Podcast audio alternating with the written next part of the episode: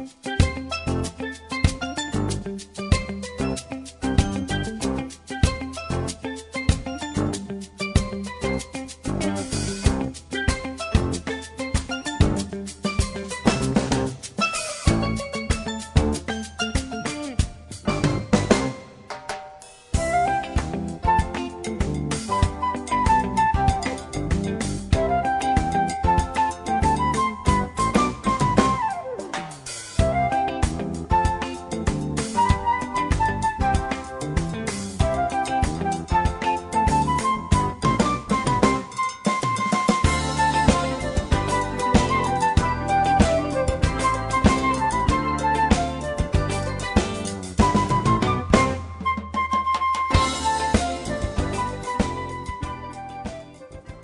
velkommen til sendelsen her av Bilge Langt og i Lindene, og vestre morgen er jeg Simon Absalonsen.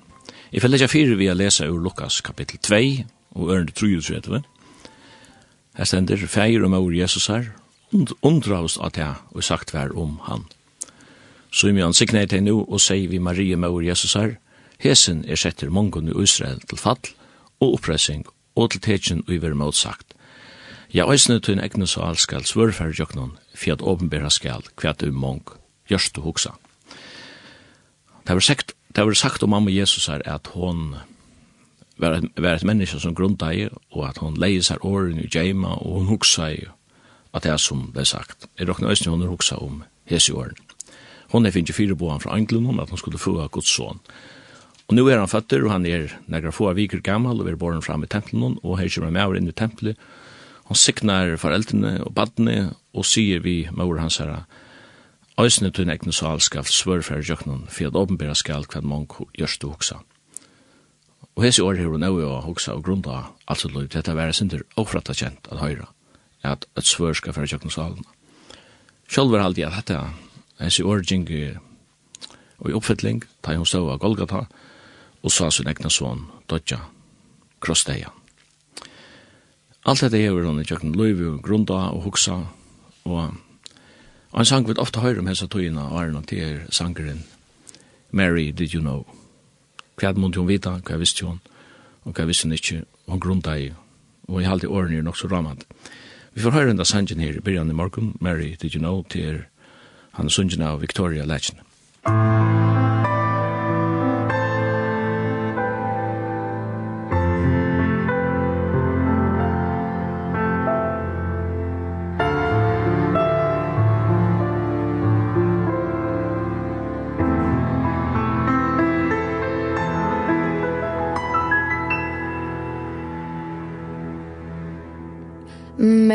Didn't you know that your baby boy For one day walk on water? Mary, did you know that your baby boy Will save our sons and daughters?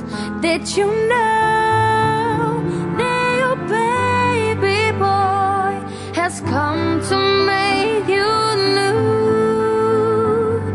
this child that you deliver will soon deliver you.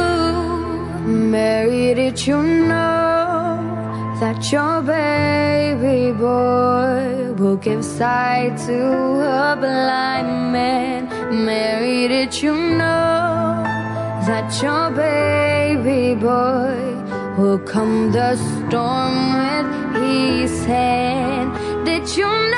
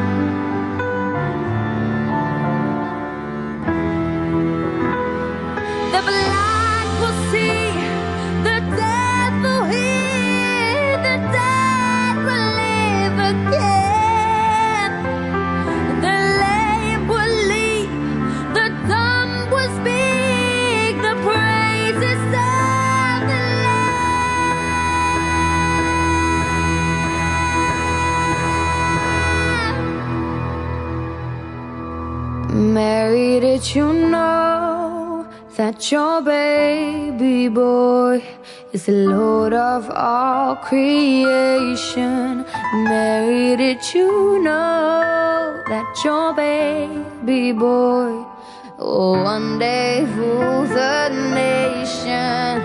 Did you know that your baby boy His heaven's perfect land The sleeping child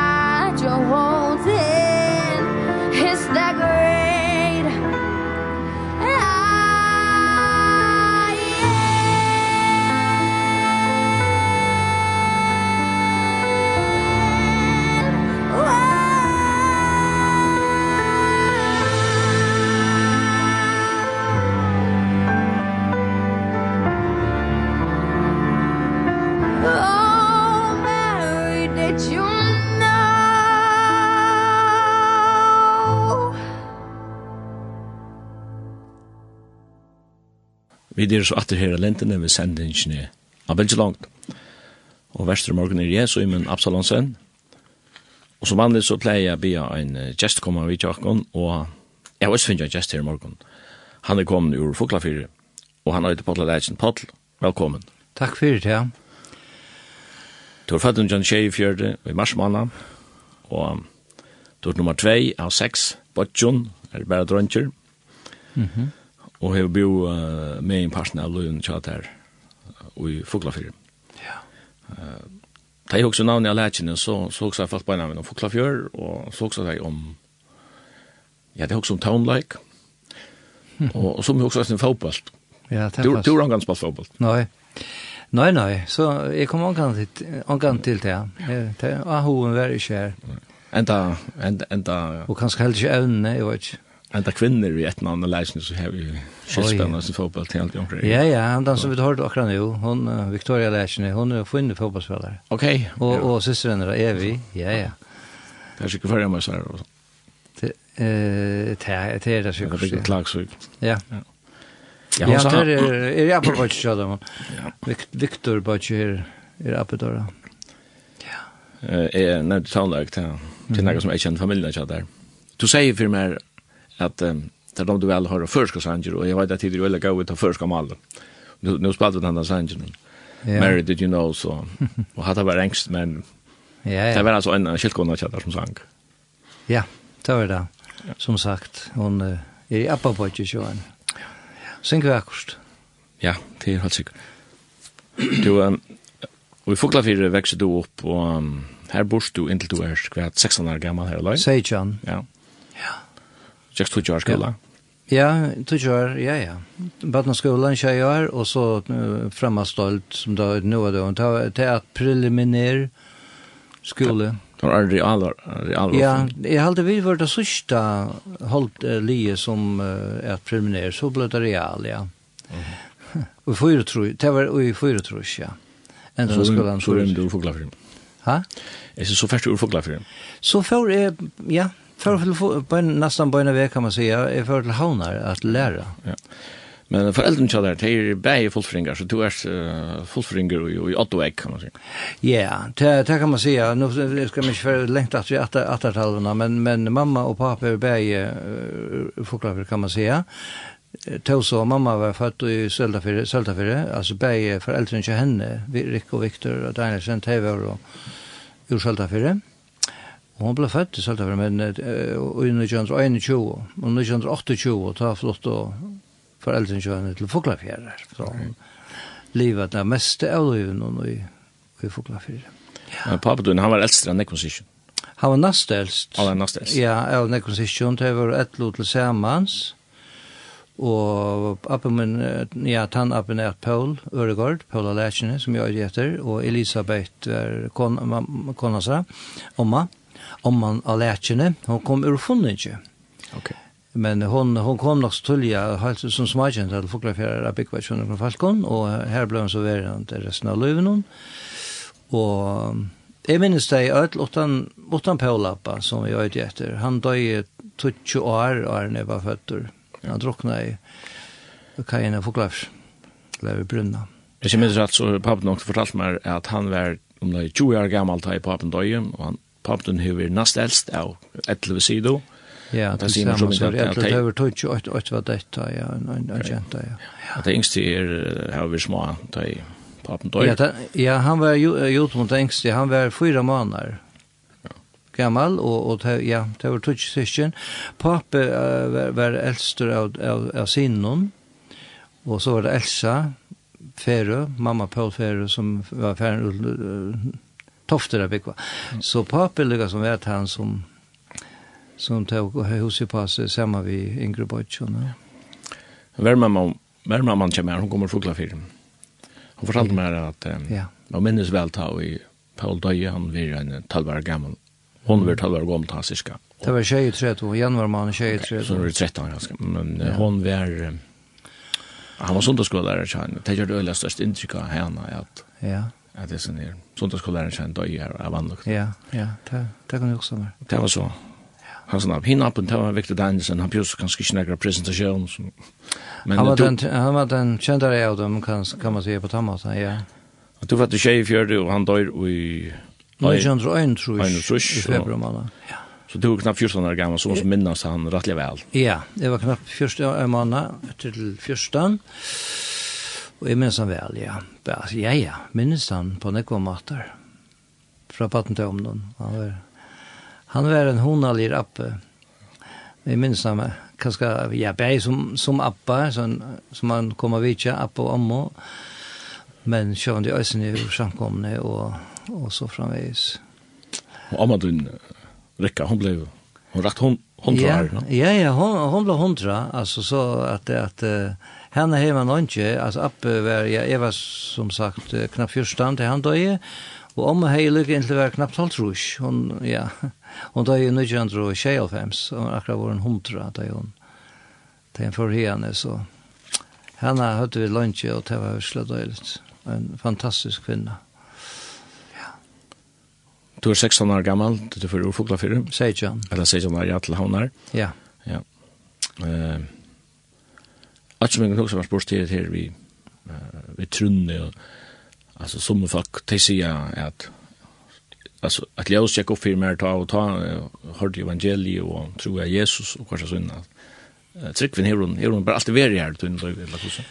Ja, det er halde jeg, jeg kan si at, at jeg, så lengt vi kan minnes, som jeg sang sier, så har vi hørst om, om frels og fri og det. Og kom möte møte og sundagsskola fra at att at är det kan ska åren ändå ut ja. Gänga kan man säga. Och och och är uppvuxen vi tog och ja. Och är jag kan inte minnas näka tog men Lukas inte tro av god. Och och jag syns om det som jag hörde om Jesus och att han han tog ju för jag kunde och det krossen och och allt det och jag tror det och och Det var således å forklare for ta øysene at uh, vi gikk sundagsskola, og tar sundagsskola-læreren som vi høyt, og det var Ismar Johansen, Ålard Hansen og Ærer. Tar uh, særlig kanskje Ålard, han, uh, han uh, er ikke jeg kom til at, at vittne øysene av sundags, i sundagsskola, bare fram vittnesbord, vi fikk lov til det, ja. Og jeg var helt, helt unge dronker, ta i uh, vittne i sundagsskolan, at jeg tror jeg er Jesus, så. Så det har fyllt meg alt livet tan tryggven. Da du sier når gammel kjem til Havnar. Ja. Så for arbeid, ja. Ja, det var av førre Kjallstovo, og til døltene som er skattadølten. Det er sagt etter nærmengon, eller lærlingon, og jeg søkte og fikk jobb her, og, og lærte her tre år, og og arbeidde så fyra av tre. Så jeg var tjej år av Førre Kjallstål, skattadøltene, som var ute i Tinkaneset öll de årene. Til, til nek bra sent ta at jeg tar ut for jeg, jeg er kanskje også ut for jeg gjør men det er faktisk taks. Det, det som vi gjør, det er skattedølten, det, det er mest gjør vi kraut og skatten fra følge, og ta, ta var det andre skatteskipa, det var ikke det som er noe, kjeldskatter, det var, man ble skattet av Ari 1, som jeg har fortjent Ari 4, og og og og tog var det nekna var jeg er nemma eller ja. Det var nek flere folk som kanskje glemte å betale eller hva man skal si og skilte av skatt og, og vi skulle da kreve inn og her var pantefot der og jeg var ankan pantefot man skulle men eh, tar skulle tvøyre ut forresten tenk han lukka ned og stått lekkere at jeg var eh, fløyre for ute sema vi pantefot han skulle alltid ha et vittne vi. Ute ute man fører ut folk benker på og ja, og så framvis. Men eh, ikke for å få lengt noe til, men til. Det var en gav tog, og jeg synes bare i arbeidsplassen og i, og i havnen i hele tid. Og ta var størst av alle allmenne fyrsynskjellene, hun var utingernes. Ja, det var det nokka. Så de tinkan er seg, hei, Jack Neck fyrir seg, jeg minnes vel at det er årene, vi, vi uh, skattet den helt til, og tog som sagt, jeg halte at uh, vinnemalere vært her nok jeg var, alltid, jeg, til av bygningen, som man ser av nekmomenten fra Kongabrunn, ja. Jeg ser hona litt hus, og lagt loftet, og her sjød vi en, en, en 15-20 folk som i rommet, og det var veldig honalt. Og, og så hukte vi ikke vinter inn og så alle så bare løkmenn og landstyrsmenn og embedsmenn gikk atter og fram her og Og her hengte mengt og kvært. Og det var onkrar møtmæleskonker som kom ut og, og imis såleis. Og vi der er under sånn og fyrre trus, er det var? Nu, ha, ja, nu kjønn fyrre trus. Ta byrja du her. Ja. Augustmann er fyrre trus. Ja. Det må så ha vært under tog som onkrar kallar for kjallsførslandstur. Ja, Det var det nemlig, ja. Hakke Djurus var lagt med over. Hakke Djurus var lagt med lukkmauer, ja. Han, I halte han kom han, var ikke tvei trus. Han byrja i halte, ja. her var tvei trus, om, om, årsskift. Ja. Og, og ja, ja, Hakke Djurus, og, og her var det nekve forskjellige som jeg minnes at det var, ja. Nils Winter Poulsen, og, Jeg halte at Edlund Pettersson og Karsten Høyta var landstorsmenn. Ja. Men da hadde han nevnt vært mer enn fyra landstorsmenn. Ja, jeg råkker mitt i. Det var øyla lyte politisk tilvita over om det her tøyene. Jeg husker ikke nek om det her, egentlig, altså. Men man skjønte, man visste jo om det her. Ja. ja. Palle, jeg nevnte jo at familien kjadde hun, hun, henne forbinder man ofte ved sang, så du hever noen sanger her som du hever nevnt for meg, og ja. jeg vet at, at, at uh, Silva Kaur, som du hever sunnet jo i nekvar, de, Det synes jeg øyla vel. Ja, det hadde jeg også. Og en sanger, er øyder i det han skokkans lande? Ja. Og i det deg skokkans lande, skulle vi takke han først. Ja, hva sier du om den sanken helt nær han? Ja, ja, Silva Kjør synger han, vi sunker han nok snakk var, og æsne, Silva Kjør gav han fløve ut i halvdag 2008, og ta vær han at vi fløvene. Og tann sankeren, han, Og det er skokkans land i Appen og Viktor, han hever Yrstan, og tredje ytelslega, Og han, eh, kan, jeg kan lykke nevne til at det er lengt, nok så lengt at du tog inn, i i ødelen før ødelføren er 1922, og, Uh, er erste Appian, og, og han var født i 94, så han, ja, jeg tror Arne var 80 år gamle gosser, og han stod i øyneblæ som er et vittne spurte og ja, det var dagsblad, eller, nei, det var ikke, det var Jens av Reine, han namn fram Jens av Reine som gav det blæ ut, og ut i blei for november, desember 1922, her stendte hessen sangren ut, det meste og i blei noe var Anders Dangs, men han, han stod av føreskånd, og nærmest akkurat, just så løy som vi synes han, og i det, og det som er ganske synd til kjølsamt, det er at han, at han, det stod Jola Solmer, om for om av sanjen og han er sånn å si ikke om om jølene men det står så om for han men Jeg skal lykke finne han her i her sangpølsen som han arbeider. Jeg skal lykke. Og tog at, og i sangen er, er en, en strofa eller tver om det her. Det er det neste verset jeg kan lykke lese. Oi vær ta egen styrke, oi vær ta vitskapsra, oi mannakraft og yrke, oi ui kunde hjelpa ta. Så er det her, ta vær hitt gledelige og ein frelsare i føtter. Her fann mun føtter møtter, ta søkt og trygt og rau. Det er lukka kun ta som kipa til, sipar til Jesu føying og i som sannsjonen. Men omanfyrir stå som sagt jolasolmer og han sunko vi så i Kauronon, Doksan Gvar, og kanskje vi høyre han sånn.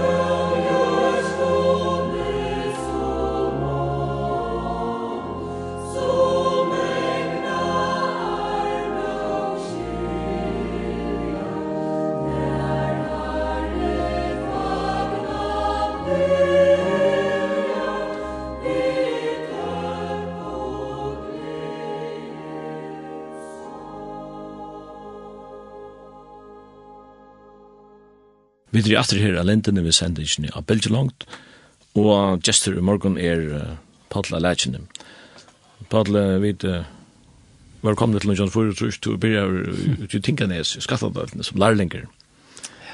Uh, jeg kommer til å havne her Fuglafyr ta, og, og avstanderen med Fuglafyr havn, og det er at jeg kan slett kjemme noe. Ja, ja. Det er helt sikkert. Og i råkken vi då, man, man arbeider leier det her ta, gjør man ikke det? Jo, eh, man arbetar, jo, jo, jo, ta fest, jag kan ska utlära det, alltså, ja, ja, man arbetar det, till, till och med det, allt, ja, eller två, jag vet inte, ja. Så vekeskiftet var ikke så lengt, og, og, og man skulle ha hatt forklare for det. Det var tinas til langere enn for Danmarskar, det er, altså, kan man si, ja, altså, kom man ur forklare for til havnar. Så det var ikke hver vikeskiftet man, at det er for høym, men jeg er ofte høym. Jeg, jeg bor godt her i havn, og Kjønner Fytton Falkosmyt og Olivina og Amon Johansen. Amon, Amon Alenkasan, det er alt det de ble kallet for, og de bor jo i tog som ble kallet for Kardamombøyren, om man søvrak her. Og her bor vi faktisk alt tjej og ærene i en kamer i, i Kjattlæren Kjøtheimen. Og her var også en bergkostel å si, så Og hed og tar på tamatan når man får heim til døvra. Halt ur eller halt. Ja ja, ur ur tinganese og og nian kan man kan man på in man hei Jeg vet ikke om det er en tøyma eller en tøyma økker til døvra. Så jeg, og jeg, jeg skulle genka bo av veier, så det var kvann, kvann døra tøyma, så før man høy må at døvra og så steg etter. Det var nok sånn gongt, og så... Og da var havn og minn igjen og nere, ja? Ja, det, det var han, ja, ja. Det er helt sikkert. Men... Eh, jeg kommer til uh, havnar, det er er ikke så til at du fer uh, annan omgangsgres, og kommer andre mennesker kommer. Ja, ja, ja, ja, det, det var ikke, og jeg fikk en gauan omgangsgress, og på nekva matar, og fikk gaua viner i, i havn, og mitt antallige heim, det ble som, som helt naturlig var, eh, Ebenezer, hver kom at årene var, te årene var i havn, kom på i Sankaure, og, og vær, vær vi til møtene, så, ja. Alt som er man man nämner här till till till ta kommer en bultke fram ta mitt trusjon som kallas för sankbröder. Ja. Och det var fyra som sunke. Ja. Mm. Jag vet inte hur man ofta eh sett en parallell med sankbröder och The Beatles. Men Ja, ta. Men det var utarp i hej kvann sunde där ta några som är att kvöveljomar. Ja, ja. Och det var så man man kunde här posthus och sända kyrkors in och Ja, vel, så just hemma en halsan och säger ja. Gå och fitta Maria hjertet ett lucka vi fem år det någon halsan mamma och pappa. Och så ja. et ja. som man yngste. Ja. og så kom sankren så hörde man så folk älskar det. Ja. Mm -hmm. Det var tog ta och och kvennen sånne där sådana past så vet kvällen så hörde man eh så hörde man Jim Reeves och The Beatles och sangbrøver og kanskje anker To, Så ja, ja, sangbrøver, det var, det var helt og så vil jeg stått litt, altså. Vi, og det var Øssur Berghammer, med gode viner, som som bor nekvar i Danmark, som var stånaren av sangbrøveren, og Jeg minns vel at, at Øsse Berghammer, han, han har vært i Ångland i en, et år, eller hva det var, mye kjørt, eller halvt år. Og kom atter, Og jeg kjente han ikke nekka særlig, men jeg minnes øyla vel tann dagen da han kom til meg, og det var stått at når jeg var kommet til havnar, det var kanskje ikke fyrir trus, eller oksår. Og spurte meg om jeg hei haft hod til å komme sånn vi og sammen med tre minutter, og jeg ble helt uh, affæren, kan man sija, og sånn her bygta drongren og fokla for koma, ja, og, og men uh, det ble så, jeg var øyla glæver, og vi fører synsja saman, og sånn kom rattlan jeg ta fyrst tøyna ta og gå og eisen nekkar nekkar plater ut som det at EP-plater vi fyra sangkona trutjer trutjarsjona kom ta og vi søtt noe helt av trutjarsjonon Den første, hun uh, omslaget av blått, jeg minnes det, og hun kom til Jolar i 5-6, tror jeg, Løy. Ja, jeg halte av 5, tror jeg, visst da. Ja. Og ja, det, det passer, hun har hovla, og vinda og nøtluna av forsøgjen. Hvordan var det av snir singleplanen blir ut av Turkjar? Ja. Men det blir så modernisera så att nu jo vill det så nåt? Ja. Ja, det er faktisk tver for kom ut at det var nødt det var, jeg held det var fem og fors, eller her og løy. Da kom et, et, et, et kassetteband vi tar med sangen. Jeg held det var Sækars Hammer som stod fyrt i. Og da kom det ut, ja. Og, men i 2008, ta gåna gå i flöve ut. Vi öllum tam, ja, kanskje ikke öllum, men aller flest av dem gamla sangkomne fra Trusjnum, som var sinter upp, oppskjeinare, kan man säga, och reinseier, och det, det var ordentligt gott. Och Och så sunker vi fyra inspelningar vi fyra. Och vi fyra til kurva til, det var Østerbergkammer, och det var Finnleif Dorhus, og Og så var det Åtne Beck Jensen sale som för er färden fra. Och så är tar vi vid fyra. Och så kom MC Restorff och på i helt av ett sust och spalde gitarr och ja. Så det var det var gøy och og det var öjla stottligt. Vi var var alle avgifter och och bare hade det høyga åkken kan man säga men men och, og tog så. Det kom näck på sju kan man säga och Og det var helt så det hade man ta över nu to som sanggrøver, som som må man alltså nämna Jekon Hammer som var tekniker i Sjåkon, och det var inte den här nu jeg så inte allt det her som er inne her lenten i teknikken. Det var ikke, det var en, en bandtäckare och en mikrofon som vi alle måtte stanna runt om och bare til, men Øssur og Finnleif Torspalde, Øssur klaver og Finnleif Orgel, og, og Torskuld og spela samstundet som som vi sunko, av, så det var otroligt at att att det skulle bli så fratt men det var en öliga gav mikrofon man har. en hekk, det är sånn tjukk mikrofon som hekk mitt i rummen og, ja. Hva er det gitar og bass og sånn, ikke? Ja. Nei, bassgitar var ikke, men jeg spalte, jeg har alltid klimprat synder på gitar, og jeg spalte gitar synder, omkron av sangkonon, mm Så kom MCV, han sang, han spalte gitar og isne uh, til ankrar. Jeg var ikke, minns om det var bare til sørste platna, men, men, men bassgitar hadde vi slett ikke vi jo. Men det kom faktisk på i, i i 2008, da, da var, det var forresten uh, han sjálfur, uh, Barur Haberg, som, som stod fyrtog, ja, tok opp og tjåkon, det var her ute i fløten, og, og han leie forskjellig inn at rett, bassgitarr og, og sånn alt. Ja. Ta var teknikken blir enn bedre. Du, Paul, det var en to timer sikkert ikke velge sanger til deg men kan, kan ikke be det velge en sang for sangbror? Jo, det vil gjerne. Er det ikke vært veldig mitt den? Ja. Jeg minst det var øyelig populære vårder, det var høyre kvann øyne som sånn ut der, og kvævlig om det, jeg det. Jeg var smadrunger til men jeg minns det var for du kom til Klaksugaren. Vit uh, sangbrøver, eller? Ja, og, ja. og, og, og skulle synge og i Bethesda. Oh, ja. Jeg får møte her. Jeg minnes bare at det var pinnpakka fullt av folk, og det var folk som fyrir sted, det slopp ikke inn. Så, ja, her er alltid, her er alltid ikke nek, møt, nek folk har møte i, i, i, i Klaksvik, men det, men det er kanskje også særligt vær, så vær opphatt møyre, ja. Ja, men det er sangbrøver kom til Klaksvikar, ur, ja. ur, ur Størbøyen ur Høvstaden, det, det var en stor ending. Det var en sensasjon. to, uh, ja, ta var ta du nämnde at jeg så på en av en som kommer tankene av meg, som alt, men alt, i allt han som sanger som är ganska utom det er at du vet at sånn ikke till sen som heter Alfsens loj og viner er som fyllt her. Han sangen hever, jeg kan sone at han finner en kjøtt, så vi får høre sangen Alfsens loj. Ja, fint. Mm.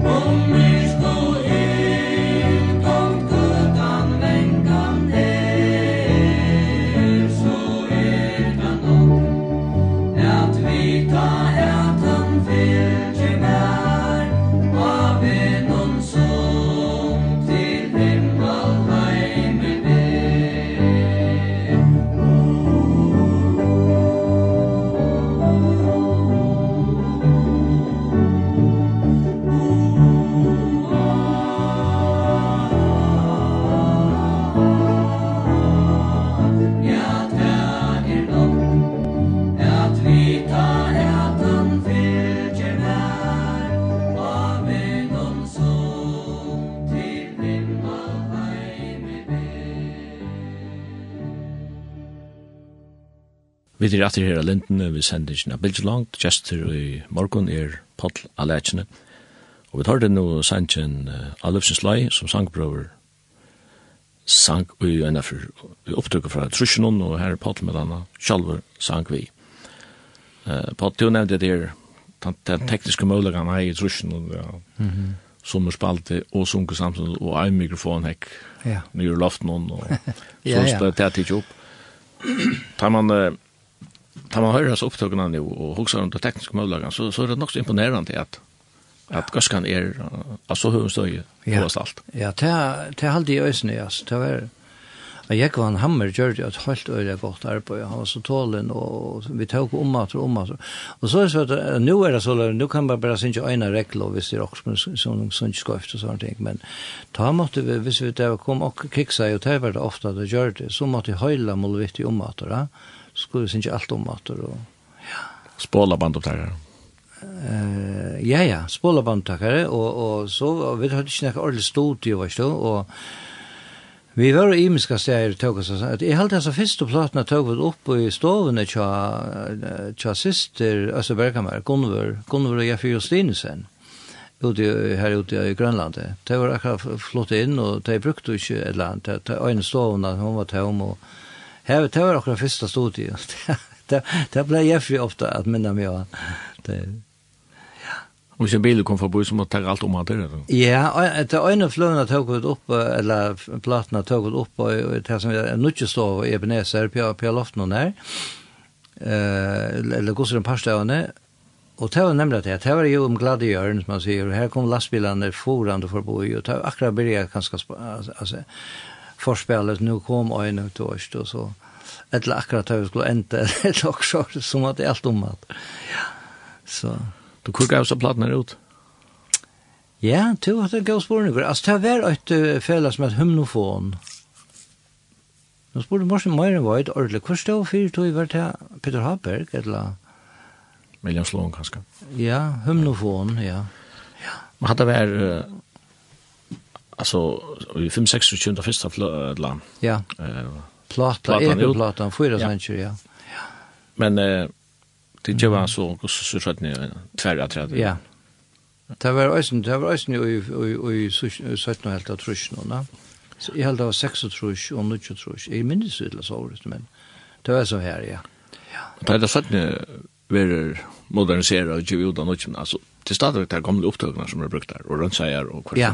Ja ja det var det gamle, vi sunget ikke om at Det var det gamle opptøkene, og så sunket vi fyra sanger, altså fyra ærer, at treet, som, som standa faktisk fyrst av fløvene. Og så kom alt det gamle. Ok, så du gjør det nødja sanger, nødja opptøkene, nek, nek var ansvartene? Ja, da 2008 kom det ut alt det der, ja. Så det er morgen 30 år at han Ja, ja. Her er her er tom fyra er er en som vi spalter nok, eller nakka. Og sni har han jo ja her lentne og jeg skal si, det sni som heiter vi sier at her takk og det var også bare kan vi kjøre år og lært han og det var det var ein sankur som han er han er just lika som tog at ja som en takk fyrir at at herren er bare vart og altså æsni okkon, og ja tjøkken alt alt løve kan man seia og det var ikke øyla lengt åren og hva gav vi når åttende, for hjem til herren. Mm -hmm. Men, uh, ja. En sang som minnes vel, som var av utgangen til tikkene, han uh, kallas for Kvært kan heimeren til djeva. Ja. Han blir styrer, uh, så vidt det var til en Olasøk, tror jeg. Ja, det skal nok passe, ja. Og Øsser gjort bei år og lær. Ja, og han, han sung vi nek, ja, og han, uh, en eller deilig sanker og sånn evangelisk om. Han sier nek. Ja. Det gjør han. Og hatta hatta kan være mye vel av en sanjisk sangbror. For at han høymer til kjøve. Å ja. Så ser ja. Jeg hadde vidt høyre han. Mhm. Mm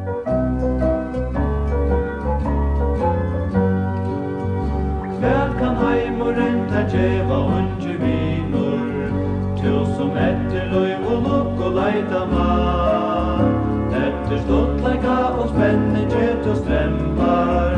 Men är hjärsta våre trygt och tøyt tappa Kanst du hitja framåt fyrje mörk og deje Hötta genga fram for löse sti Og i spyrje kvä kan heim och ryttar djöva Hevor han tar djöven är sanna fri Är från sanna fri Nei, einas Jesus, han kan djevas, sanna er klei, løyv og fri, og kan fyrsta ljøse tøyne myrsk og sal. Kom til han, og du skal kjenna, ja, han er vi tøyna lik, og trygte føra vi lama.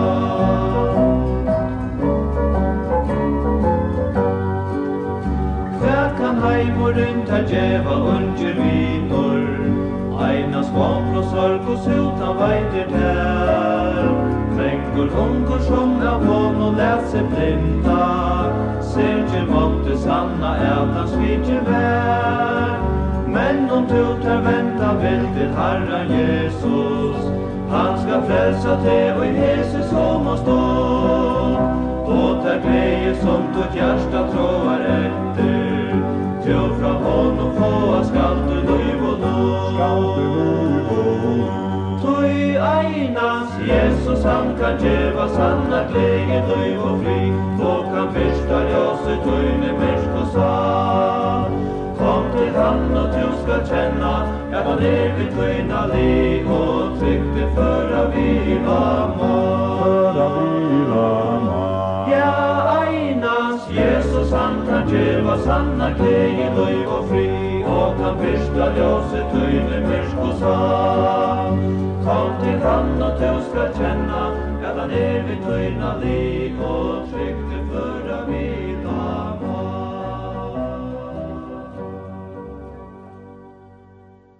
Paddel Arne, fyrir til Einar Fjers, borstu i haun. Ja. Og Jim Rand, du kommer her til, du er 16 år gammel, og er til Seijan. Ja, Seijan, sorry, om skylda meg. Men nå er finnes det vi. Ja. Og om... Det kommer en damen i Løvkjallar, du blir gifter i 1,5 Ja, ja, ja. Gjørtes og jeg har funnet sammen i 1908, tror jeg. Gjørtes er ur Klaksvik. Og... Og kom til Havnar, tärna som man säger och jag kokade ju igen och, och vi blev gift i en av fjärs ja 24 april i en av fjärs gift oss vid så vi hött och vi var gift i, eller har varit gift i halvtrus år i år Du känner ju väl familjen till Gjördes ja jo klart så ja. Du kom så fokla fyrt, du var bara botjar, men hon, hon är inte några botjar. Nei, vi var seks bøtjar, det var tjei systrar. Ja. Det var nok sjålsamt. Ja. Og så finner vi tvei akvarium. ja, så, så begynte rockskaven å balansere sin. Ja, nemlig. Ja, ja hon, uh, hon var nummer fem av, av tjej systron. Ja. Eller er. Ja. Hon vaks opp når jeg strand.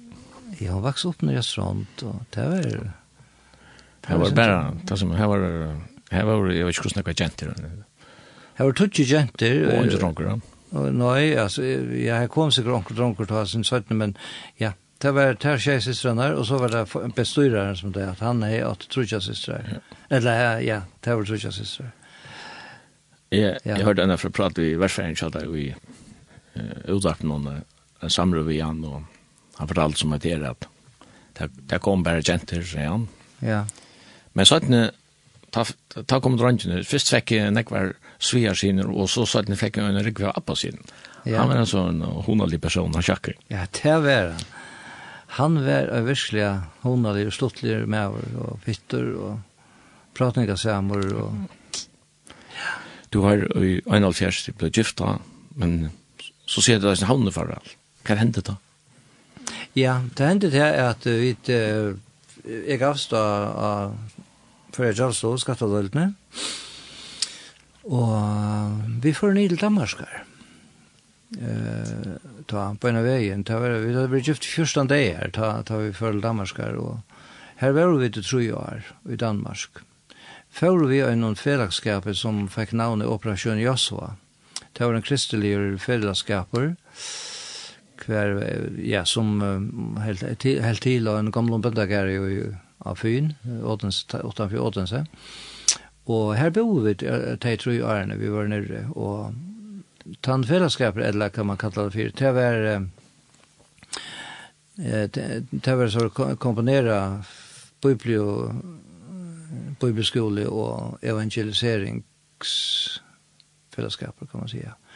Vi færa oss øyland eik rundt i et land noen, de tre årene, og hadde møter og evangelisera utegått noen og benka opp av horar og ta så sover folk og så framveis og ja. Og, ja det var det var det stort at lenge kan vi si om, om det en, en eldsal i operation Josva det var den gamle apostelen Palmasen ja. Han uh, var uh, en av løyeren og fyresner, Paul Massen, som er vært i fargen og i snø flere fyr. Han øyelig gav vår bibelærere, han var akkurat høvesbibelærere, kan man si, at de ærene, men her er sin ærer, eller ånder, og, men daglig løyeren, alle tre æren, det var en som er Rino Lange, Rino Lange, han tar bare fra han hien fra, og, og ja, så var det en ærer, og en tvær ærer som var nekvi, ta, det var Johnny Noer, som en lever en, og en som er Johannes Fasius, Og jeg tømme fyra er det bare John Noir som er løyve vid det. Gammal med over, han var bare tottast i T-Holfems. Han røysen vi fløyer for i fyrjen. Men du nevnte Paul Massen, han skriver uh, nok så nekk, nekka bøker, og han ja. gav jo nekk, nekk herrens år ut et les med at man målet. Ja. Og som mamma min helt.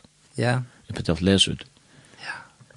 Og nå med jeg vil sitte her, så kan jeg huske om at uh, jeg minnes en av for tullja og i halvfjersen, ta er en nok så lengre en, jeg vet ikke om det var tvergreiner og i mot målet, her er mamma du inn, mm. uh, Mia Leitjen, skriver om pappa så. Det passer. Minnes du det?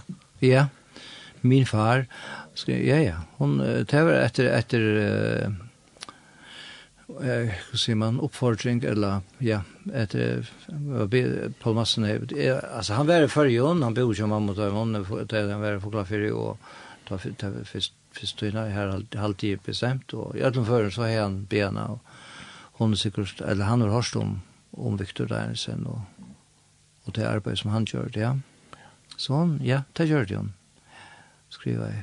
Det som jeg minnes er det vel för att grønne det var det det var nok så eh og nok så obju eller skriva och man sa några vinklar i Victor som man kanske inte ser.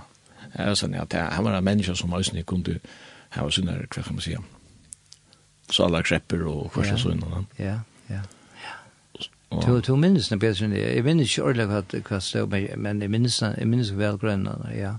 Ja uppe heje uppe heje nämligen sina sjala krepper som lever ja det ser man nästan eller väl ut från ut från han som man själv skriver och tal tala ja och att han nämnde om det. Mhm. Mm Men sen Paul Massen, ja. som uh, förr igen fram för några år sedan. Han skriver flera böcker. Mm Ja. Jeg hadde ikke omsett akkurat på en dag Jo. Først. Altså, det var så vi Paul Madsen, altså, jo, han skriver i sikkert øyne bøker, men det av det som han gav ut, eller som kom ut etter honom, det var bibeltøymer som han er hilde. Han, uh, han heier jo så samkommet med et kristen fellesskap, og helt åter i fjørten i halvdje, eller, ja, og i halv trusjonen, og trusjonen, og, og alle veien oppa. Og, og Jack no Jack, eh, imist, ja, bøker i bibeln og, og så framveis, og, og så kommer bøker ut, og det var i miskar og her er, här vi, har vi omsett tver til først. Og den fyrre av tøymen som er, som er omsett, det var en som er av för eller hun er nåde over nåde og danskånd, Nei, even nei, høvestatter og Johannesar evangelium. Ja, det er han sånn nok lydel bøk, og, og hver han fer vi gjøk noen kapitlene og i Johannes evangelium, og Og det var en av første, eller den første faktisk, sammen med en ærere Batnabøk, som, som kom ut sam, samståndes, som jeg gav ut, uh, Jøkken Lorikjere, forleie Lorikjere. Det var 2003. Ja. Og ja, og så har vi også nu, og tutt en æra, som en større bøk, Kjøpa Massen, som kom ut i år. Og det var en kjøkkengang av Ezekiels bøk og bøyblene. Det var bøybeltøymer som han er helt i København og i Sørst i Halsrusjonen. Og men jeg var i Danmark, la vidt, ta fikk jeg nok sånn tilfell fra omkring, jeg kan ikke alle minnes, det var ikke fra Paul, Paul Madsen selv, men det var fra Grønøren, nok sånn tilfell, jeg fikk en av, en sånn, hun onkron kom ut av dansken, den bøtjen, hun bare heft ser man, og um, jeg føler så til lenge siden, ordentlig lenge siden, kanskje nesten 20 år siden, jeg før begynte spekelig at jeg tog at jeg bøtjen til først, og i løtten, og hun kom så ut i år, Jørgen Lørkjær, ja, han var og det er nok så nok grønlig bøk, det er en bøk på en 300 søyer, så hon er om, om hos her rettelig torgrøyt og bøkene i gamle testamentet, i Sekels bok. Og hon kom uttalt i, i januar eller februar man i år. Og nå har vi omsett en, eller til, til blivet blivit til etlo bøker som, som er kommet ut i en som jeg har trygt, for å si akkurat som jeg, jeg halde tid han bøtjen, selv om jeg tror kanskje at ikke for at vi må lese han, altså, det er noe så tom. Som jeg finner mest uh, attermeldinger fra folk om hvordan, hvordan vel til hvordan vel til dama til bøtjen, ja.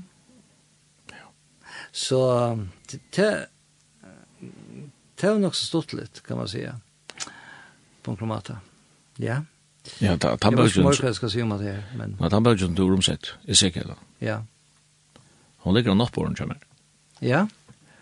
Men då har alltså läsarna är är så det har varit men också om Jeremias och Ezekiel samma lokum två profeter. Det är som det som färra från från prosatext in till poesi alltså Ezekiel är en sån mystiker. Ja. Och det ger han till så starkt spännande. Han levde ju största allt sitt liv utläkt på Babylon. Ja. Ja ja og, og Just det. Og profeterar om så Israels lengt, lengt, lengt fram i tøyene, altså ja. spjæringene, hamsomfattende spjæringene, tjåen og saunan natter, og, mhm. -hmm. og Messias rydde og kvarsta sønne. Det er, ja. det er helt imponerende, det man leser. Ja. ja, just det. Og så er det, og det som det sørste kapitlet i Ezekiel, det er om et tempelet som, som ble bygd der, ja. og det var en som sier det, men jeg minns vel at, uh, en rikkar mannpåkje min, som før igjen fra for noen år siden, er at jeg fortalte jo en affær, at mannpåkje min, han bor på Fogla for Vinkjeng sammen, som samkom at jeg var holdt ved at at tog jeg i sikkerhetsbøk, for at han, ja, ta mye en gjør til, ha? Og ta minst han sier ved meg, han er, han er spent på å lese, at, og ikke minst hva han sier om at det er tempelig mot enden av Ja. Men Rickard uh, för uh, för hem herran och är en bögen kom ut och han han läser jag ser han jag kan gå sända där. Jag hade ju väl livet om sig där då. Nej nej, jag vill hellre bo i en till en till bögen som är ut. Och ja, tills det så så han han kom och men han han han kom kan man säga hem ut här och ett underfotla templet som som er her hjemme i har til herren sen fyr, kan man säga. Så det er bedre å oppleve det enn kanskje bare lese om det. Ja, akkurat. Ja. Du pratar an, du er til nere i Danmark, du tror jeg er kjem så hjemme til det er for å snakke sin der mer om. Det er kvart 4,5 du kommer hjemme til førre her. Ja. ja. Vi kom etter 4,5 og vi fikk jo tvei bøtene i med vår Danmark, tvei til fyrre, Bøye og Maria. Ja Og så vi da jeg fyra bøten, og så tar vi kommet hjemme etter, kom jeg, og i 8.5 og 2 først, da fikk vi Tineberg, Inkon og Otter. Ja. ja. Padle, jeg vet veldig enn sanger, jeg så ikke her, du, jeg har skrivet ankra nye som du er ringst. og jeg nevner du til dem, sangen Lusala Vissa. Ja. Er det, er det uh, særlig du i sangen? Alltså inte så öle näck lite vi någon, men alltid domt han så väl. Alltså hela tiden har man alltid domt så väl. det är ganska ont att säga. Stottar och luliga sanger, Men så man kan inte bara för välja utfrån tog, men alltså för först och främst för innehållt någon och till öle gott innehåll och lust alla vissa.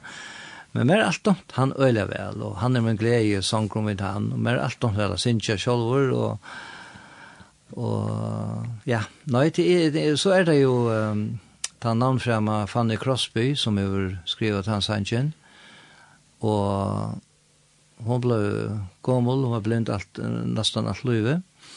Og jeg skrev til å si til at, at hon skrev Ischingar, Ischingar og sanger, kanskje iver 8000 tillsammans det er helt utrolig, men Men vi har nekva gaua sanger fra Fanny Crosby, og heter en av dem, mm. Løvsela Vissa. Jeg halde jo meg 8-9 år gammel, til jeg gjør sin.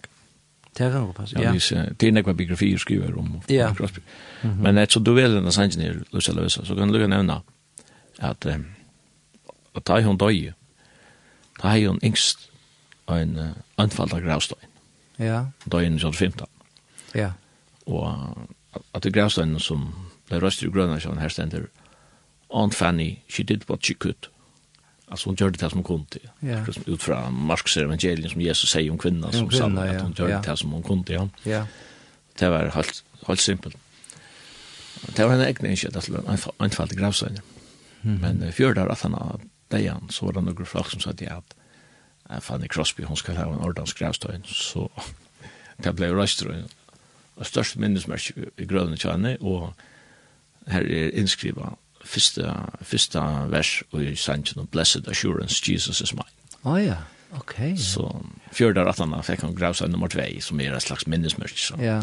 Och och det så var strøy i henne så ska vilja til ta kan man så ikke ta kan man hemska meningar om men så ja ja. Första vers okay, första vers stender av grausa sanchen blessed ja. assurance. Ja vel, Ja. Men nu får jag höra att han sanchen ut i försk omsättningen. Jag kan ju för upp under omsättningen, man inte. Jo, han jo upp i omsättningen. Og ja, hvem er det som hvor spiller her? Uh, var det, det er ikke imskar oppdager av det, jeg vet ikke hva det er. Nei, det var mannstøvna i uh, Sarepta, som vi høyre vi. Ha? Ja. Uppsala Vissa. 2021.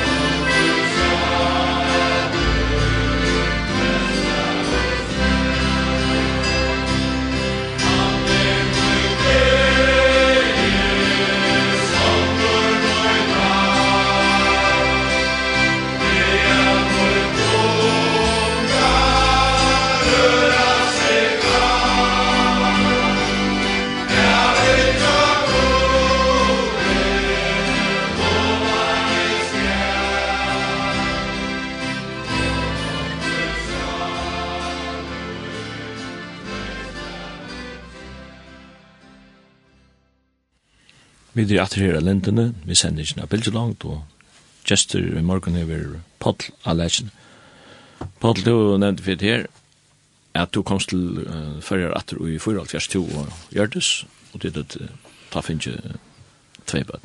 Ja. Og de bildet at de så gos for fire bildet klagsvik. Ja. Hvor langt var det der? Ja, vi var jo tvei år, godt tvei år, ja. Ja, vi kom til sørste i 4.5, 5.5 og 6.5, og bo i Klaksvik, arbeid høysen til Kjølbro, og så flyttet vi til Foklafjære, jeg bygde. Vi skjer alt fjærs. Ja. Du fattet skjer i fjørte, og Foklafjære, og... Ja. Nu ska jag ha, nu har jag vinsat vi att det var 16 år gammal vart det först år det först år han och ett land. Ja förresten jag lukar prata det jag huxar om det Johanna med över Lossa Sanchen att det kanske släcks nämnt det hur för äldre kommer hit, jag nämnde om och appar men mamma min att Maria vanligen nämnd Mia och var näst när hon var äldsta barnet tja Rico och Viktor där sen. Och ja, du nämnde visst pappa Jakob Olof Lärchne. Mm han var nästestor av ett låsisk. Och till bär. Så det här kom på plats. Till bär fullfringa. Till bär fullfringa, bär fullfringa och till så bæg så en färden hem till herran, ja. Mamma pappa fører 1925 og mamma i 2006. Ja. Ja. Men tjej och fjörde och tjej och halvfjärsa, så att det fåglar fyr. Ja. Så också jag är du bara 30 år gammal, här, då länder att det här. Ja. Som, som, som det hela börjar, ja. Ja. Ja, ja. Da jeg husker det, han var 30 år gammel, og dronker igjen, han, han er ikke, han er ikke gammel, men du må, det må være, uh, eller hendinger og det som hender fra Furutrus til Kjellfjers, Danmark og alt det her. Havn, ja, ja, det var det, absolutt. Det har hendt Nek nek spennende, og jeg, ikke minst jeg tror i årene i Danmark, vi operasjonsvar til at her kunne vi snakka lunch om, men ta ta på oss eller ta skulle vi gjøre till at men det var det var eller gå tøy och och men det var gott att komma åter och och vi tar trivs öle väl halde kan säga ösen för konom men av jeg snu fåglar for jeg fikk han jag fikk han locka han att fåglar för kan man säga och och här har vi haft det godt ja och bo. Så blir det mer än fjordar men her är det då inte som man säger leder det låter så inte just imist arbeid, og eisen innenfor, innenfor det bøklige arbeidet. Du har du ja. omsett flere bøk. Ja, ja, her er vi omsettingar arbeid noen, eller tog tog jeg bøker du først. Jeg vet ikke, altså det er akkurat som... Uh, jeg har bare haft ho til det, altså. Det er akkurat som vi er en hovor, er gjørst det, og... Jeg tog ikke ordentlig sitt året til, men, men altså, jeg, jeg, jeg kan lukka nevne at halte ikke være mer enn 15 eller 16 år gammal. Jeg vet ikke om det kan være, altså Appemoy, Victor, han, og, han er en tøyere, han tøyte nekv til først, og ikke var på Bibelna, men jeg har jo når, men ikke hva det var, en tjej, bøker, eller hva det var. Og, og det er noe sanger, han, Men alltså om det var från oplats för hon och gen for från det tar vet så ikke, men i ødelen förrun tar jeg var en 16 16 år gammal tar leser jeg en en bok en partnerbok Som jeg finner ikke, jeg og fyra, eller vi fyra bøtjan som taler ut i 1905 tror jeg, fra, fra Abba. Det stender som fremste bøtjene. Fyra, vi fyra Viktor, Paul, Harry og Jekvan fra Abba. Og det var så lille batnabøk som er det beste i verden av danskon. Henne bryr jeg i smaven og på en støylehefter at omseta. Helt det var så veldig spennende. Det er underlig, vet du. Og at jeg vet ikke når jeg ble liv igjen. Hun la og når herren så har halv omsett halv det, og så kom alt det hjemme for havner og, og alt det. Og, og en bok som jeg bryr jo på, ja, til så ganske tror trus, eller tror jag Hun kom ut, samme vi har sier nøye og nøye, som jeg nevnte, det kommer sen seg en på her, eller ikke, i 2003, så Hon, er, hon var lengre avvis, hon, hon er lytel, en, en lytelbøk på 112 søyer, og det er en badnabøk, men hon er veldig fitt badnabøk, og tver jenter, og en som heter Trolley Nøytski Wolf, hon var vist dansk, som skriver i terbøkene. Så terbøkene kom ut i, i 2003. Og så vet jeg ikke om du at jeg skulle nevne om hva for bøker jeg var, men det kunne stått ganske. Og i 2006 Ta kom tver ära bøker ut, eisen tver småar. Ånne var om en, uh, en trobåra, som heter at Mary Slessor, som fører til Afrika. Og han født i 1884, og fører til til Kalabar i Afrika. Og her er var at Løyve, som trobåre. Det er en spennende bøk. Så var det en, en bøk som er eisen i omsettet, som fikk navn Taler etter D.L. Motti. Og det er talrett Del Mutti. Del Mutti, Del Mutti var jo en amerikan, amerikansk pratikamauer som levde i Nassauina så alt, og Og en av henne var på Åmasa loft, ja, Åmamøyne, over Rick og, og her var så øyne bøker som Appi har gjort, og så. Her så er altså, en, enske bøkene, som er at short talks, og jeg spør, og Åma gav meg henne, lov meg øyene, og ta för ju omsätta omsätta några av talen och så att det mot det han var väldigt pratig med över och som ta tog tog inne sauna i ölfolk och näckfolk kom kom till trick och så framvis. Ja. Det det var så när man säger små första böckerna som är Men en som en författare du är romsett näckva till Francis Rivers. Ja. Ja. Det passar och Fran Fransen Rivers eh, er en amerikansk rithøvendor, en kvinna, og hon, eh, jeg vet forresten gjengommel, hon fødte noe kjønne tjei fjørde, hon skriver en øyla masse av bøkken, Hon skrev alltså neck och han kom till tryck och herra men så kom så så blev han frälst eller ja kom tryck och och ta för att skriva på en annan måta kan man säga. Och Jeg leser en av en av fikk fætter, eller kom på hendene av meg, og en bøk, uh, og leser den, og det var, um, det var en av hesen bøkene som jeg, så, jeg, jeg, jeg har så tøyt fem bøker, og uh, av Frans Røvers, og det er, det er om kvinnerne som standa i 18-tallet og Jesus er. Men vi så leser fem, uh, Matteus evangeliet kapitel 8 uh, og først kom til, til kan man säga som attartalman som man kanske annars bara lever om eller så lösa. Hon ser ahavert den attartalvan och mittel anna är de är de fem kvinnor annars är det bara män som jag nämnde pappan nu. Men så är det hon som man säger knappt fem kvinnor nämnt där. Och det var sådana kvinnor som inte Ja, absolutt ikke var, kan man säga, halvtjemenn eller feilafrøyer, eller og, og kan man på enkla måte kan skal säga, tvers om det koster som er avdømmene. Og hvis man leser teatertalene, så ser man hver det er. Men jeg kan lukke nevne halvstått. det er den første var Tamar, og så var det Rahab, eh, som vi kjenner fra Josua bøk, og så var det Ruth, og Batseba, Och så Kjell Maria som som var mamma Jesus. Det är alla fem stanta och i attertalvene. Så, så vet jeg ikke om jeg skulle färja noe i hver jeg tar vår, men det kan, det kan inte längre tog. Men det er som Fransen Rivers ger, den skrivare server. Ja, man kan kalla det skaldsöver. Att det är skaldsøver. Ja. Hon, uh, hon teker frasökna i bibeln, så det som särarna. Ja. Och så kannar hon rättliga väl eh uh, allt är runt om. Ja. Mentan inna och för så någon.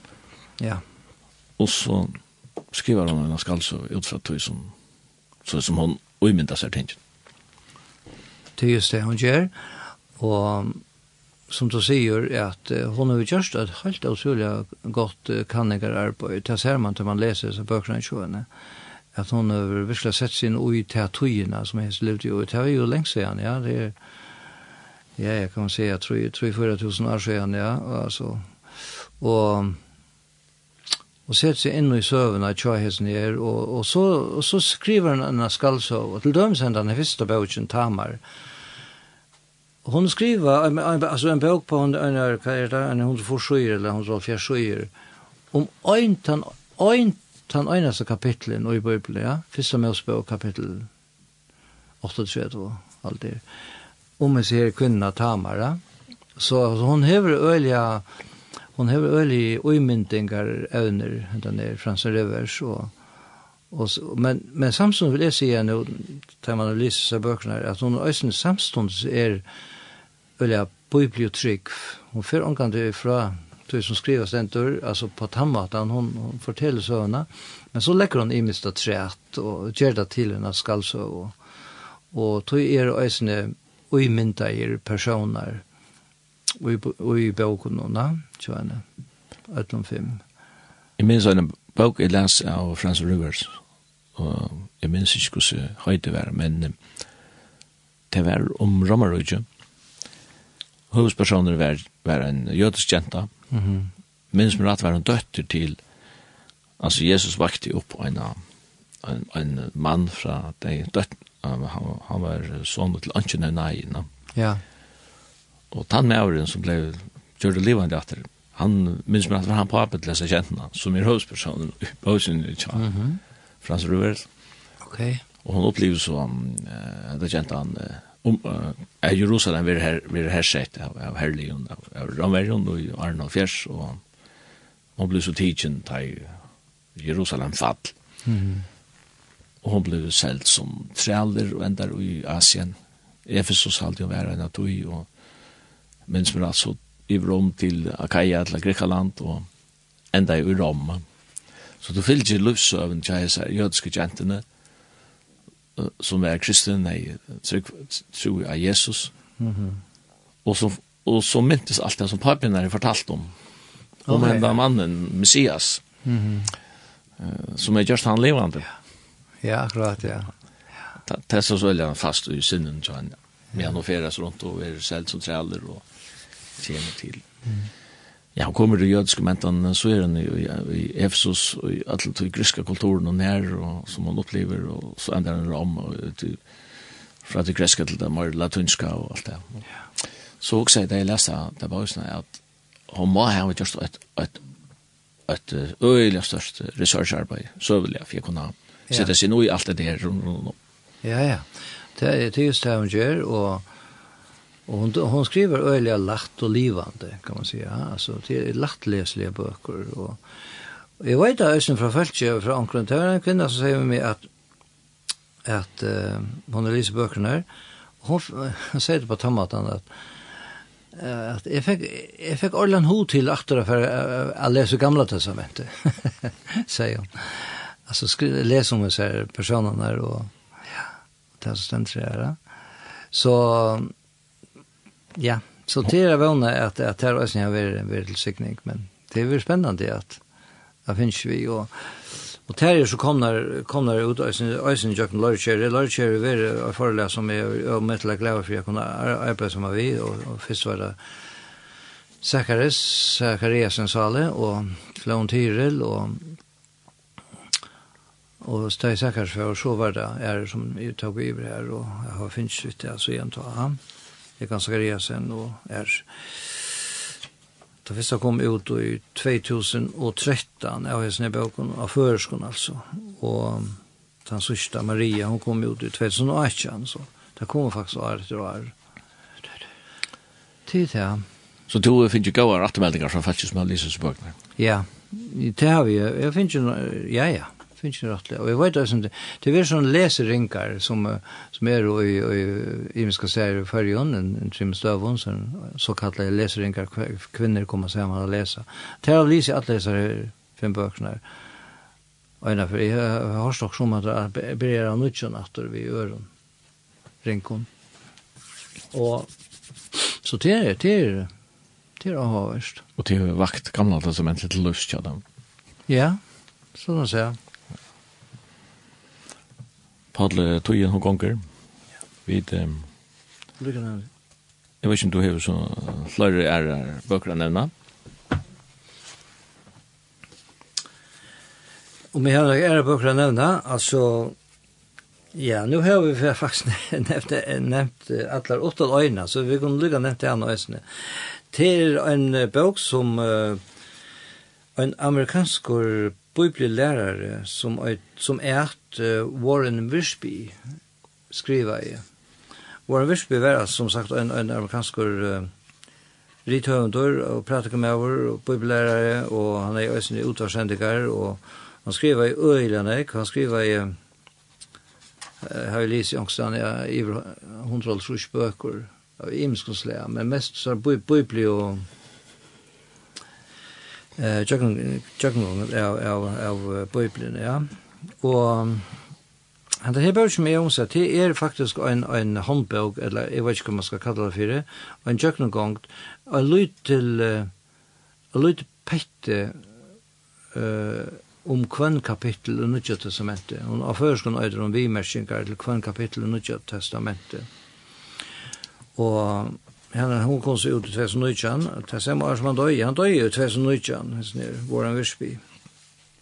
Da kom hun ut, og, og hun halte i selv, og jeg har var har Horstakke folk er glad for det, det er ikke alltid godt å få gøyere atmeldinger, men hun, det er så lite, så er vi vimersinger til hver kapittel i Nødja Testamentet. Og han er jo skrivet som sagt nek, og mitt landa øysene på samme måte om Gamla Testamentet, eh kvann kapitel i gamla testamentet og og om god vil så kanskje det er for å komme ut av henne for er for vi at sitte og tøye. Men til det større arbeid tøye. Gamla testamentet er jo tror ikke jeg er større som nødja testament. Så til det så fikk jeg nevnt alle bøkene her så og så vidt og så vidt jeg fikk jeg bøkene her til og der er Og har vært spennende, og at det er... Ja, altså, jeg helt døysen sjolver uh, på nekka matar, og jeg kan lukka nevne at Lorkjær hever gjudar ut som jeg langt har nevnt, og at Lorkjær har en heimasøy som heter lorkjær.mfo, og Og her, her kan man besittla bøker. Jeg halte atler er og en til taks, og det får seg snø i bøkerboen og sånt. Ja. ja. Podle,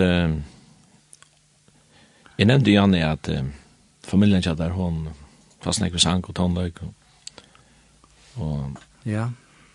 Potsjedøyn og sånne, så jeg kan bare tar Der har jeg gjort løe og kvarsta søgnon. Ja.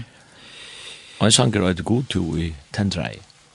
Ja, jeg, jeg nevnte han, jeg, jeg jeg, er faktisk yngst i han, ja.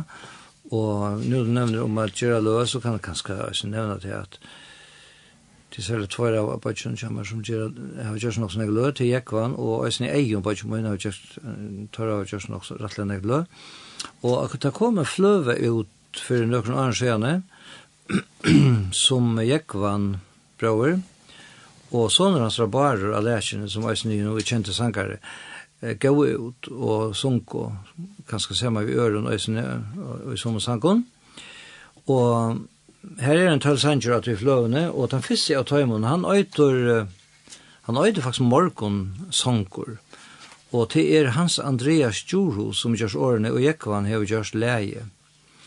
Jekvan halde man ved at han som har skriva, lyder sint, og lyder pekti om kvann sanger og i her, og her skriver han, her skriver han om, eller her sender om henten her sanger, morgon Hans Andreas Jorus, som levde fra 1803 til 1951, man være stør virknasta og kærasta skald føringa.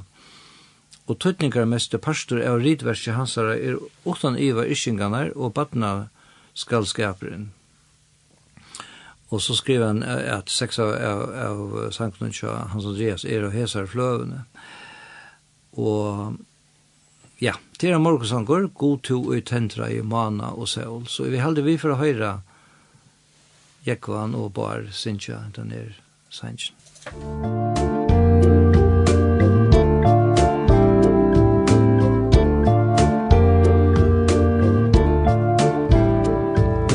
God to i tendra i mana og sol, gav ötlun livande av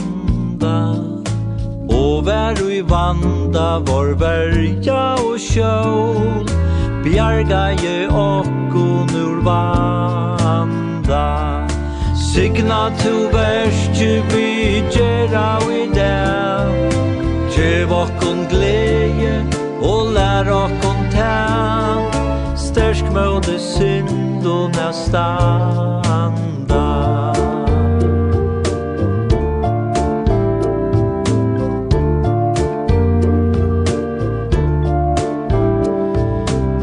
Egna vårt eia at bæra ta sær.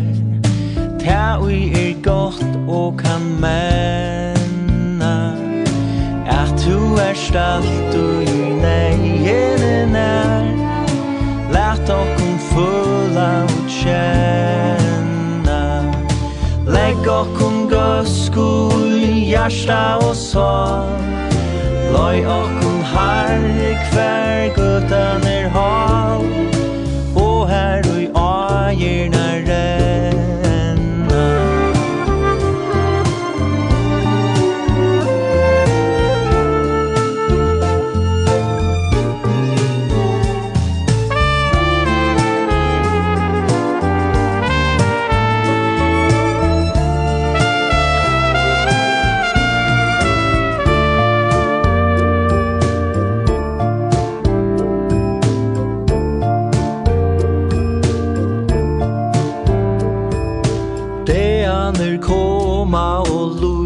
lyfta så brått. Lär och om man att nota Så att vi vinna vi är vänner gott. Skrue hit skuldnande kvita Signa to dagen och notterna vi Over to allt du vi okkara liv Lät okkon tryggt Vi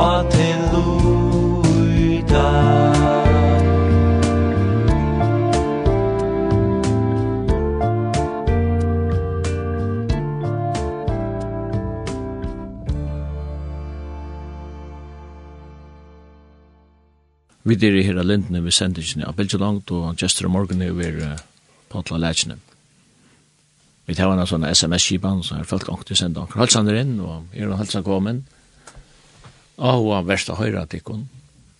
Pottel vitja i nægra fyrir Sønderborg sammen vi øren til møter i 90 og i 0 Han er gitarran vi.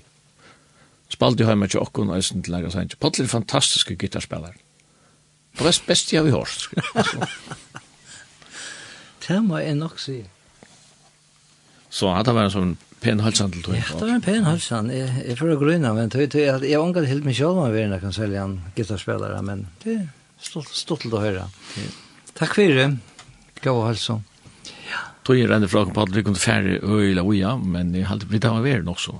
Vi hadde vært nok snakket rundt i løyen til der, og ja. uh, i tjei i fjørde, og kom at til foklafyrer i tjei alfjers, og er her framme, og omstøtte bøker, og hva skal vi få, få flere bøker uh, fra det her? Ja, nå er i fyra alfjers, så ja. Man har jo bare det ene det, men men nu får det så ikke. Ja. Men under, under ödlom som pall, eh, det vil øyla ha vært hørst alt det her fra ter, og morgon, og ter okna enn ekkur at aldorstarn og okna øysen i halda, jeg kunne slippe at, som man sier, Fostet det vidt om til liv, det er avhåvert. Takk fyrir at du komst, Men kan fyrir, tusen takk fyrir, håper vi får flere bøker fra der, og det er ikke god sikning i det her. Ja, men jeg er ferdig å takke, Simon. Takk for at du uh, høyte av meg, og til vi er avhåverst, og vi tar tjenest til Jøkken Ekvar, til vi hun alt og godt, og, og jeg ønsker herren sikning i hver i hver her arbeid som Linden gjør. Ja. Så jeg tar ikke for. Jeg er ferdig å begynne å stått av bøen helt til søst. Ja. Gå og ferie himmelen, vi takker derfor for hentet mulighet vi tar at kunne uh, hittas der å kunne ta som det som ter hører til og kunne døyla dem i vi okra landsmenn. Takk for Paul som kunne komme i morgen. Vi var sikna han og Gjørtes Konja Sara og bøtten, bøtten og bøtten og alt det som uh, tar man hører til, stedet og tar man nær. Uh, signa til at det blir vi dom, signa til land okkara og folk okkara og henta derfra framvist. Vi ber i Jesu navn. Amen. Kan du lukka seg øyta svært? Ja, gjør så vel. Nå uh, bastu fyrir badnabøtten, så det gjør han ikke med lukka nevnt her, og jeg fyrir bøtt, og tjei elskelig uh, badnabøtten. Så har vi finnet tæv i øysene, som vi er øyla glad fyrir. Den uh, kommande generationen, hon, man sier, hon er øysene av vi. Ja, ja, hon er av vi. Ja. Lå vi held fram. Ja. God dag. Jeg, jeg, jeg, jeg, jeg, jeg, Nå spalte jo da en enskan sang, uh, Mary Did You Know, to elska det først kamal, så vi da hilde åkken til det først, og vi sendte ikke som vi var. Så, men nå, før vi sier farvel til Potl, så har vi hoa spela A Holy Night av David Phelps.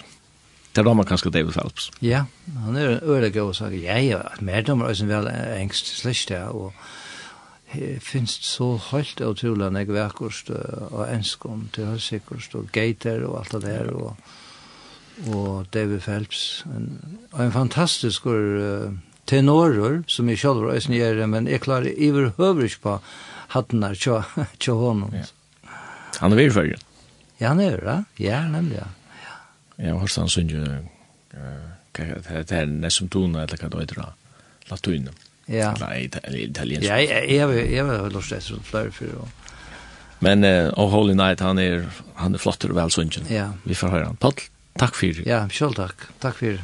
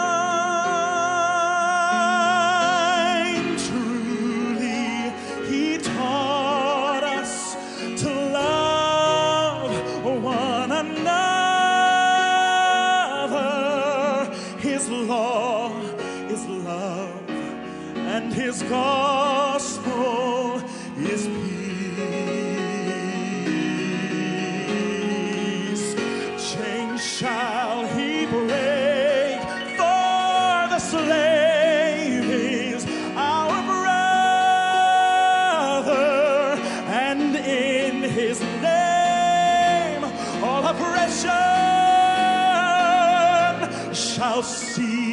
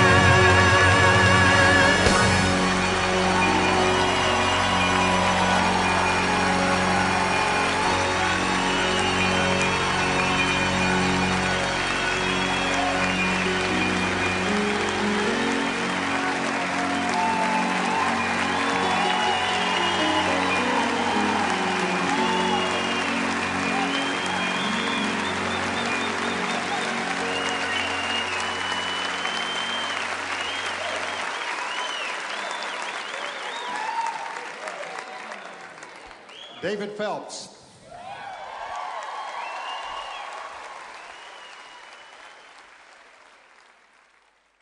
Ja, vi er så kommet til endan av sendingen av Bilge Langt, og Vestermorgen var jeg, Simon Absalonsen, Chester var Padla Leisene, og jeg kan Sone være tekniker.